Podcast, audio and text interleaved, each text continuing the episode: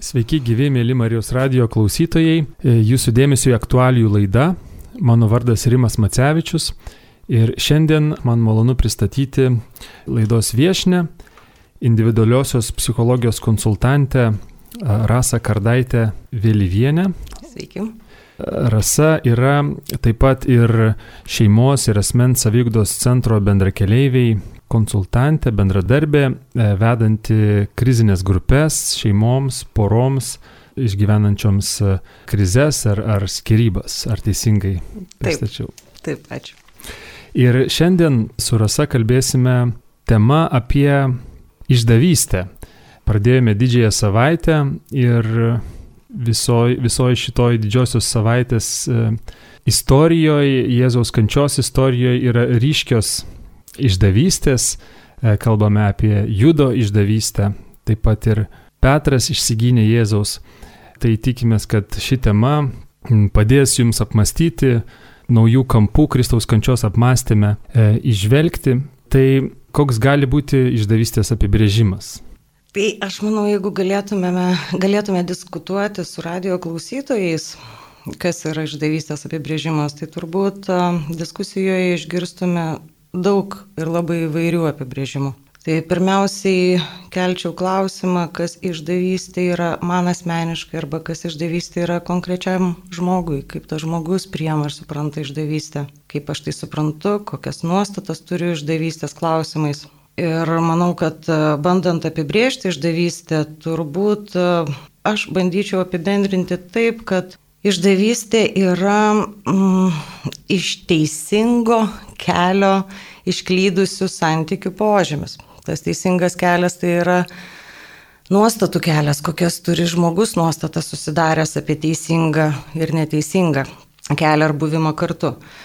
Ir galvojant apie patį apibrėžimą, galvoju apie tai, kad e, jeigu viską, ko reikia, aš turiu namie, namus e, šitoje vietoje turiu minti ne tik fizinius namus, kaip mūsų saugia kažkokia tai vieta, bet namus turiu minti ir mūsų širdį. Neturėtų atsirasti priežasčių kažko ieškoti kitur ir neturėtų atsirasti priežasčių išduoti ar atsidurti išdavystės e, kontekste. Taip pat e, prie apibrėžimo galbūt norėtųsi paminėti, kad gali būti, bet nebūtinai, kad vyrai renkasi išdavystę iš nuobodulio, artimumo baimės. Moteris galbūt dažniau, dažniau jaučiasi vienišos, trokštančios artimo ryšio.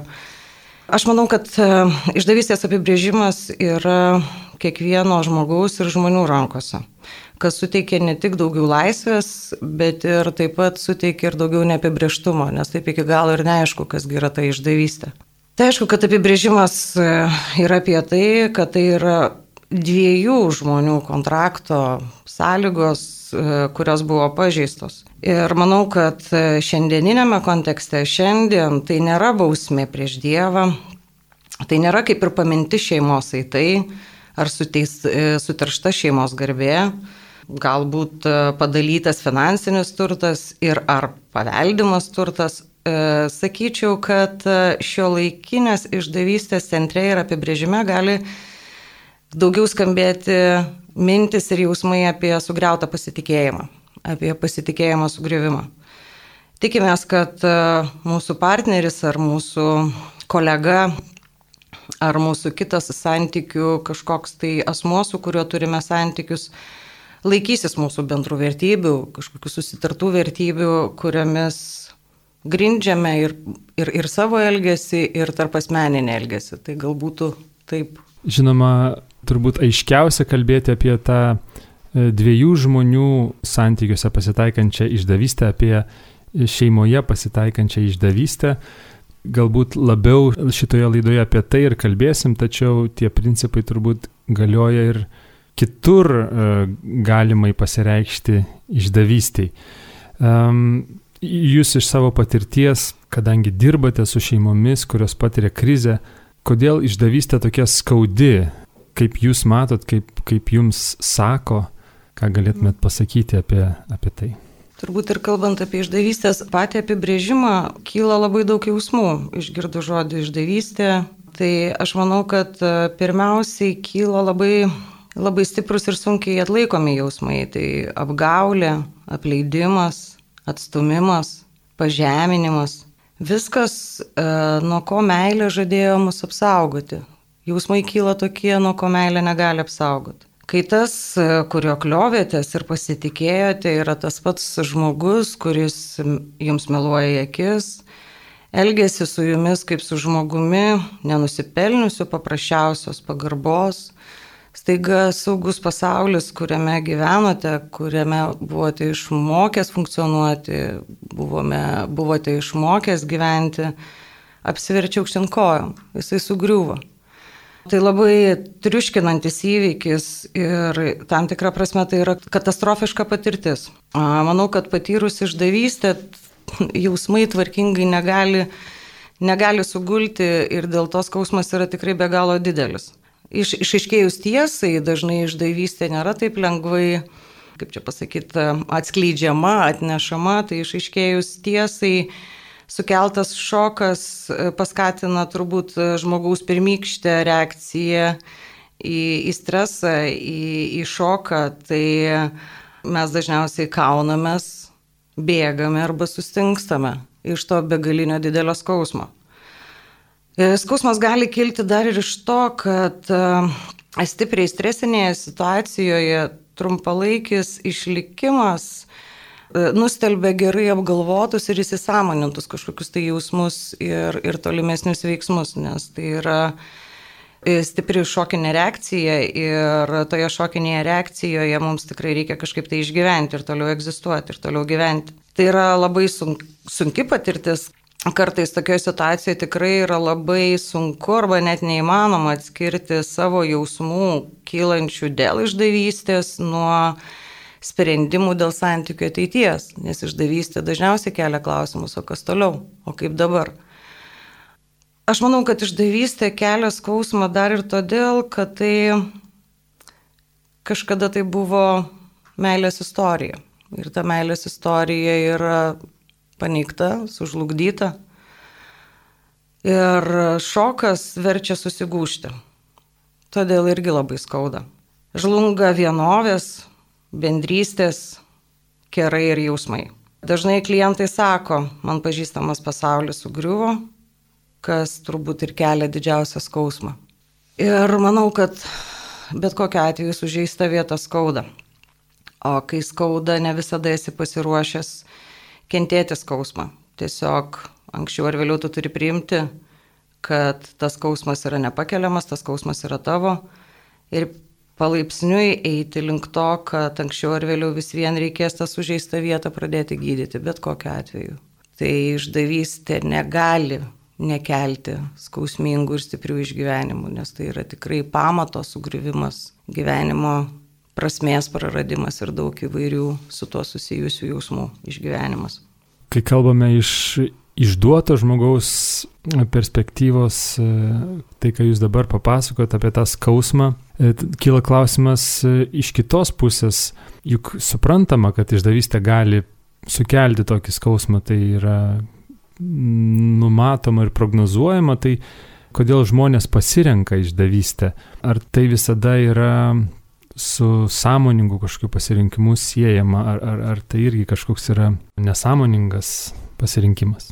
Žinot, turbūt gal jau ir minėjau, kad sunku rasti vieną ir teisingą atsakymą, pateisinantį ar bandant suprasti, kodėl žmogus pasirinko būtent išdavystę.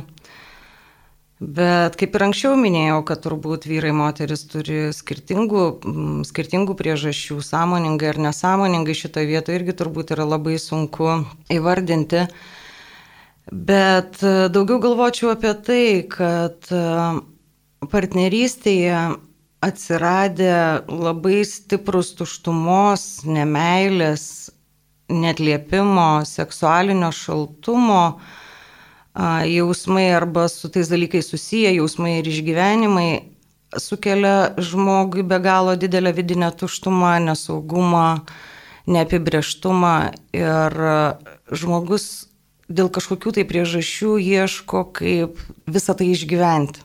Ir ne visada žmonės renkasi galbūt racionalius protingus sprendimus, o renkasi kaip kad išdavystė tokiu būdu bandydami suprasti, kad tik tai tokiu būdu gali savo padėti šitoje sunkioje situacijoje, kurioje jie atsirado. Ir išdavystė gali būti, kad tam tikrais atvejais atsiranda kaip išsigelbėjimas, kaip vienintelis sprendimo šaltinis. Kalbant apie tėvynės, pavyzdžiui, išdavystę, tai gali būti net ir nusikaltimas, tai yra nusikaltimas tėvynės išdavimas. O santokinės priesaikos sulaužimas yra kažkaip liktai silpnesnė išdavystė.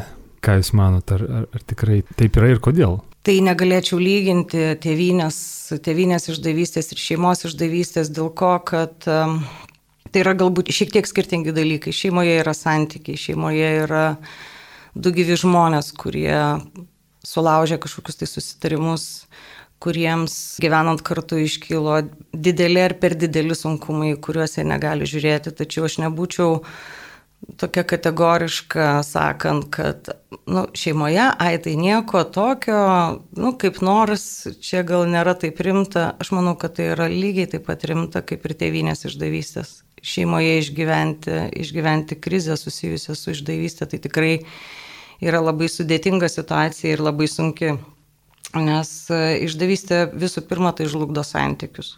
Ir su išdavystė aš manau, kad šeimoje yra beveik neįmanoma susitaikyti ir rasti kažkokių tai sprendimų. Vienintelis būdas turbūt atkurti pasitikėjimą ir draugystę šeimoje tai yra sakyti tiesą, atgailauti ir galų gale atleisti. Atleisti tam, kuris pasirinko išdavystę, atleisti tam, kuris buvo išduotas savo pačiam. Ir galiausiai, nors tai yra tikrai nemažiau svarbu, gali būti ir taip, kad e, skirybos gali labiau padėti ir saugoti savigarbą nei atleidimas.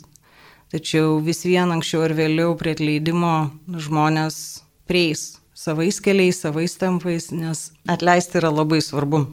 Ir aš galvoju, kad e, atleidimo vis vien nebus e, tokiu atveju, jeigu negalėsim atleisti žmogui, kuris mus išdavė, kuris mus įskaudino. Ir turėsime atsigręžti tuo pačiu ir į save ir atleisti savo pačiam, nes e, išdavystės atveju daug klausimų kyla žmonėm, kurie buvo išduoti, kas su manim ne taip, kodėl mane išdavė, ar aš tikrai viską padariau santykiuose, ką galėjau padaryti. Atleidimo kontekstas turbūt eina ne tik tai to žmogaus e, akivaizdoje, kuris pasirinko išdavystę, atleidimas yra labai svarbus ir tam kitam partneriui, kuris buvo išduotas. Ir turbūt atleidimas dar kalba apie tai, kad e, būtina ir svarbu atleisti savo, kad aš atsidūriau tokia situacijoje, kad e, atleisti savo už visą plokštę jausmų, visų pirma, neapykantos jausmas, kuris yra tikrai labai stiprus ir, ir, ir toks naikinantis, netgi galėčiau nepasitikėjimo jausmai jie, juo, jais ar savimi pačiu. Už kitus dalykus, kuriuos padarom ar darom išdavystės atveju, kerštas, tarkim, arba noras e, nubausti labai stipriai, kur taip pat yra susijęs su, su, su, su atleidimo aspektu ir kontekstu. Tai aš manau, kad nebūčiau tokia kategoriška, kad vat, tėvynės išdavystė yra baudžiama smarkiai, o šeimos išdavystė ne. Aš manau, kad visose atvejuose ten, kur yra išdavystė, ten yra ir kažkokia bausmė, atsakomybės prisėmimas. Minėjot, kad e, žmogui patyrusiam išdavystę norisi bėgti, sustingti. Kaip galim būtų patarti priimti tokį skaudų faktą, kai žmogus sužino apie išdavystę. Nekreipti dėmesio, išplūsti, nutraukti staiga santykius, ar dar kaip kitaip, koks būtų, ar, ar yra kažkoks tai rekomenduotinas būdas. Nežinau, ar tai galima būtų įvardinti rekomenduotinas, bet galbūt labiau skatinantis. Skatinantis, kad uh, žinoma, tokiu atveju turbūt geriausiai būtų, tinkamiausiai galbūt būtų kreiptis pas specialistą ir kartu su specialistu galvoti ir žiūrėti, ką toliau pora gali daryti partneriai. Abiem kreiptis. Su... Žinoma, žinoma. Ir šeimos išdavystės atveju tai ne, čia galbūt yra tokia kaip stigma, šiokia tokia mūsų visuomenės susiformavusi, kad nu, dažniausiai jų išdavystės atveju pora partneriai turi išsiskirti. Tikrai ne visada ir tikrai tai nėra išeitinis taškas. Tik tai viena sąlyga, kuri mm, turėtų būti, kad mm, išdavystėje galima būtų toliau gyventi, tai turi būti abiejų partnerių pasiruošimas ir pasirengimas eiti toliau ir ieškoti, ką galima padaryti, kad daugiau to neatsitiktų ir kad jie vėl galėtų iš naujo atnaujinti savo santykius ir gyventi meilėje, darnoje ir mokėti tvarkyti su savo, su savo iškilusiomis problemomis, su savo kaip poros iškilusiomis problemomis ir panašiai. Tai kas galbūt kaip elgtis, tai Žinoma, nu, galima pasirinkti sustoti, galima pasirinkti bėgti, daug, va, ką, ką mes jau ir minėjom, tiesa, bet aš manau, kad a, turbūt a, dėl ko galbūt ir rekomenduojama kreiptis pas specialistą, kad specialistas liktai padeda truputį pristabdyti tas tokias impulsyves reakcijas, kurios, kurios vyksta tuo metu. Ir specialistas leidžia lik veidrodis pasižiūrėti porai, kas su jais realiai vyksta šitoje situacijoje nes tos pernelyg e, dažnai impulsyvios reakcijos, e, jos ir apsaugo, bet tuo pačiu jos gali labai greitai sunaikinti ištisus metus kauptą teigiamą santykių santokos kapitalą. Tai, ką, tai, ką pora įdėjo į santykius, tai, ką pora atsinešė į santykius, taip, tai, ką pora kūrė santykiuose. Tiesa, tai va čia ta tokia impulsyvi reakcija gali nu, akimirksniu viską sugriauti. Jeigu mes kažką tai kūrėm, tai reiškia mes kažko tai tikėjom, jeigu mes kažko tai tikėjom, mes turėjom vilčių, jeigu mes turėjom vilčių, mes tikėjom savo ateitimi ir taip toliau. Tai, o išdavystė sukelianti labai stiprius jausmus, reakcija yra labai stipri, impulsyvus elgesys ir galima per akimirką visą tą sunaikinti ir išnaikinti. Kaip ir minėjau, kad išdavystė sukelia begalę jausmų ir ką dar galbūt norėčiau paminėti, kad ir gailestis, pavydas, malsumas, atjauta, skatinimas merkti, labai stiprų pykti, bjaurėjimasi. Ir va šito, šitų jausmų kontekste yra visiškai natūralu būti e, emociškai paveiktam tokio įvykio. Ir va čia tada klausimas jau kiekvienam atskiram žmogui, ką mes darom su, taip, su tais jausmais, kaip mes mokam su jais tvarkytis, kiek mes esam juos įsisamoninę ir ką mes galim, ką ir kaip mes galim savo padėti išbūti šitose sunkiuose jausmuose. Tai turbūt čia kiekvienas žmogus esame skirtingi ir kiekvienas žmogus renkasi skirtingą reakciją tiesa, bet galbūt daugiau atkreipti dėmesį tai, kad e, atsirastų supratimas, kodėl aš taip darau, kodėl būtent aš pasirenku tokius išveikimo metodus ir mechanizmus, nes visi šitie mano vardinami jausmai, e, jie turi tikrai daug negatyvaus atspalvio. Tarkim, pyktis. Pyktis yra stiprus, emociškai stiprus jausmas jisai nieko blogo nepadarė, bet jis yra mūsų jausmas, kurio mes nelabai mylim ir nelabai norim. Bet nepyktis yra problema. Problema yra tai, kad mes žmonės dažnai nežinom, ką su tuo pykčiu daryti. Tiesa ir tada, kas vyksta su tais jausmais, kurių mes net pažįstam arba kurių bijom, kurių vengiam, mes pradedam nesąmoningai elgtis ir nesuprantam, dėl ko mes taip elgiamės. Ir jeigu mes patruputį įsileidžiam tą savo jausmus, nu, tarkim, išdavystės atveju yra visiškai natūralu jausti pyktį. Ne, ir mes suprantam, kad šitoje situacijoje aš nesu blogas žmogus, aš netapau blogesnė, net, netapau kažkokia tai mažiau empatiška, aš tiesiog šitoje stresinėje situacijoje išgyvenu pyktį ir mano elgesys gali būti susijęs su pykčio išraiška. Ir va tada turbūt ir atsiranda kiekvieno žmogaus pasirinkimas, kaip ir kokiu būdu jisai išveikinės šitą stresinę situaciją. Todėl porų kreipimasis, partnerių kreipimasis pas specialistus padeda daugiau suprasti, dėl ko taip elgesi. Ir kaip jūs vat minėjot, ar, ar pora turi kreiptis, tai aš kaip visada skatinu bandyti, na, tikrai išbandyti galimybę santykius atkurti, tačiau jeigu bent vienas partneris atsisako, tai bent jau, bent jau kitas partneris vis tiek turi teisę ieškoti pagalbos savo, kaip toliau, kaip toliau gyventi ir kaip išgyventi visą šitą situaciją. Jeigu ateina būtų, tai jau ženklas, kad e, ta pastanga išsaugoti santykius ir kažkaip atstatyti yra iš abiejų ir yra šiokia tokia viltis. Manau, kad taip, bet čia irgi šitoje vietoje ne visada Žinot, jeigu žiūrėti santokos kontekste, ne, tai ne visada tai gali būti santokai sėkminga, tai yra vis tiek gali būti, kad santoka iširs. Tačiau galbūt nereikia būti tokiam kategoriškiam ir įvairių, įvairių porų yra, ir įvairių žmonių yra, įvairių santokų yra. Ir gali būti, kad partneriai atėję pas specialistus supranta, kad tarkim šitame taške, kokiame jie yra, jau galbūt santokos pradžioje buvo kažkokia tai žinutė užkoduota, kažkas buvo iki galo neišsakyta, kažkokie jausmai kaupėsi.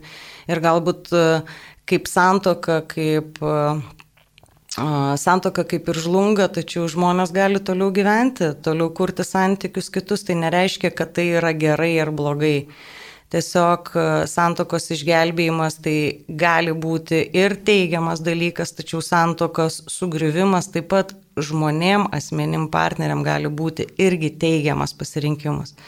Čia labai daug yra, labai daug aspektų, labai daug niuansų. Tačiau žinoma, bet kokiu atveju vienareišmiškai, jeigu abu partneriai yra nusiteikę žiūrėti, kur mes einam toliau, aš visada nu, pagarbą labai didelę jaučiu tokiam porom. Mėly klausytojai, šiandien e, laidoje su individualiosios psichologijos konsultante Rasa Kardaitė Vėlyvienė kalbame apie išdavystę.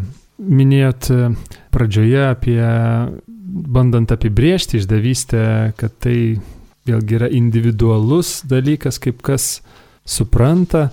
Tai išdavystės faktas, ar jisai labai, kalbant apie poras, apie šeimas, sutoktinius, ar jisai labai skiriasi iš jūsų praktikos, dirbant su krizė išgyvenančiomis šeimomis. Ar labai skiriasi pats išdavystės faktas, kas yra išdavystė nuo kokio e, veiksmo ar įvykio ta išdavystė prasidėjo ar įvyko, ar skirtingos šeimos, skirtingi žmonės, skirtingo lygio veiksmus priima kaip išdavystė.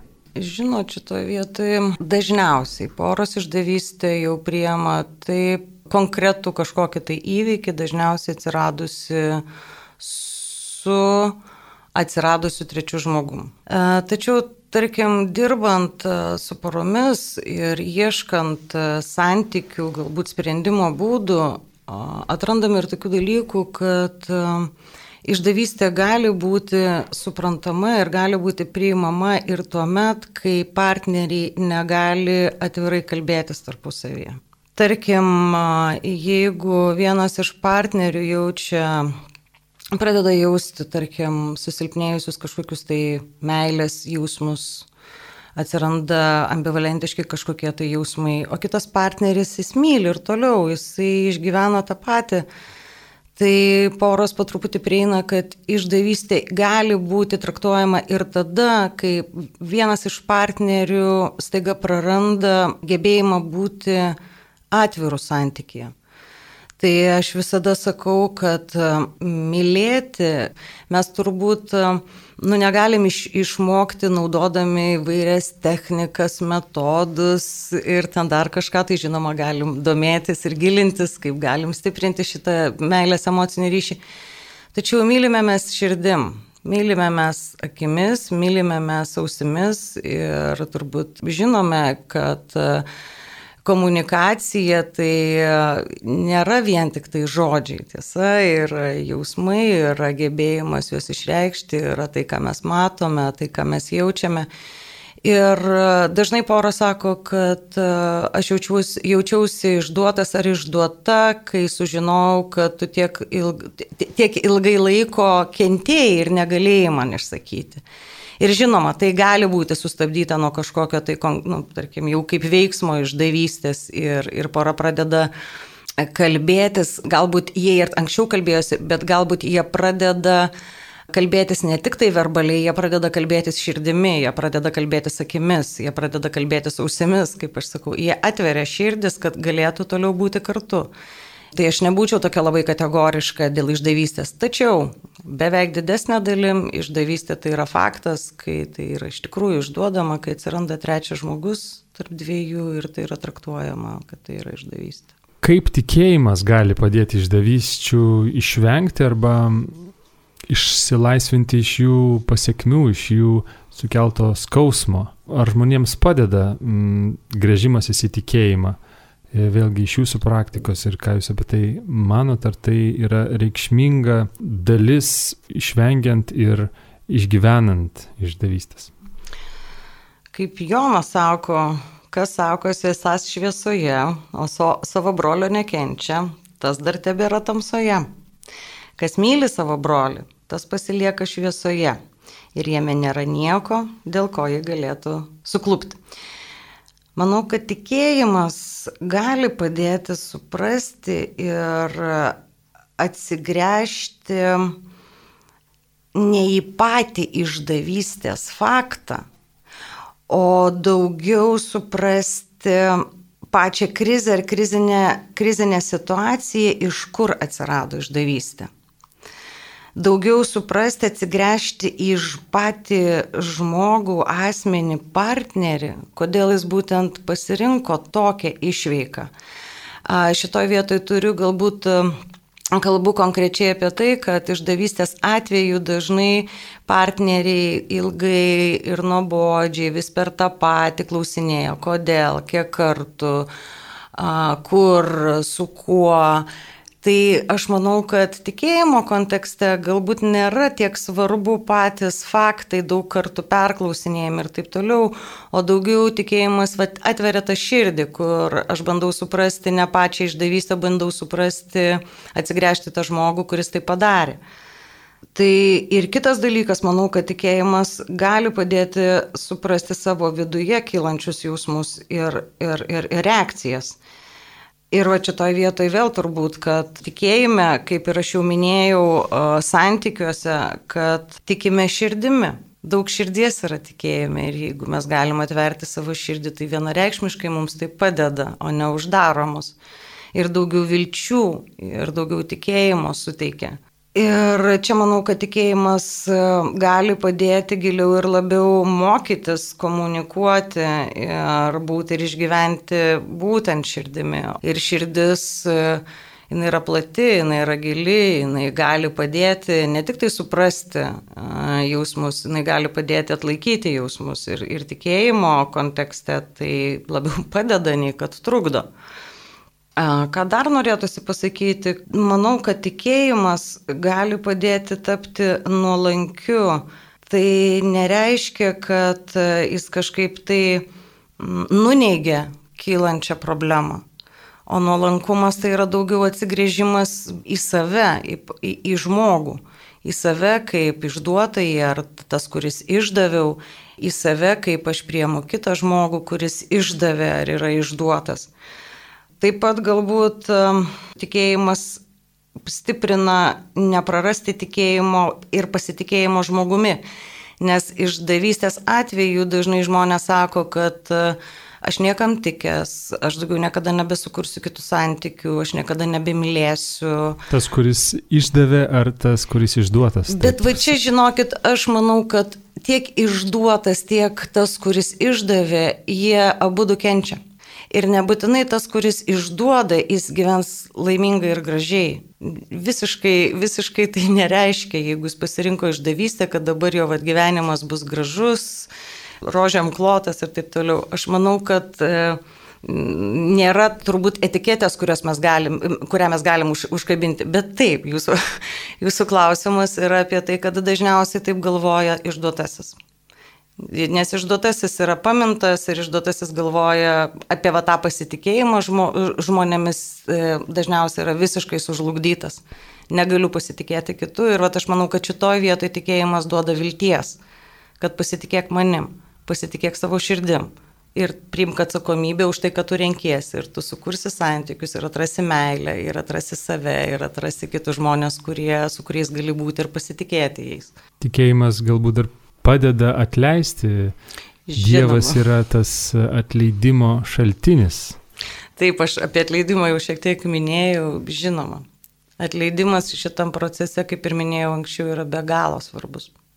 Ir man netgi daugiau atrodo, kad tikėjimas galbūt veda link to, kad e, aš neprivalau, e, aš, kaip čia pasakyti, neprivalau atleisti tam, kuris mane išdavė, aš privalau atleisti savo kad aš esu nu, tokioje situacijoje, kad aš išgyvenu ir atleidus savo, aš tada atleisiu ir tam, kuris mane išdavė. Tai čia tikėjimas, manau, vienareikšmiškai labai svarbus dalykas. Galbūt paskutinis klausimas. Ar realu, kad bendruomenėje tarp žmonių e, nebūtų tų išdavyščių, nepasitaikytų? O kaip atrodo jums? Man atrodo, kad būdami žmonės mes klystam ir būdami silpni mes darysime nuodėmės. Aš tai dar galvoju, kad įtraukčiau um, Atsakomybė. Atsakomybė, kad aš esu atsakingas už tai, ką aš renkuosi. Tai tikėjimas taip yra labai svarbu, bet taip pat yra labai svarbu, kad aš esu atsakingas už savo pasirinkimus ir aš prisiemu atsakomybę už pasiekmes, kokias man reikės išgyventi. Tačiau, kai va šitas klausimas skamba realu, tai tokio pasi, nu, pasijuntu kaip į, į aklygatvį, aklygatvėje šiek tiek atsidūrusi.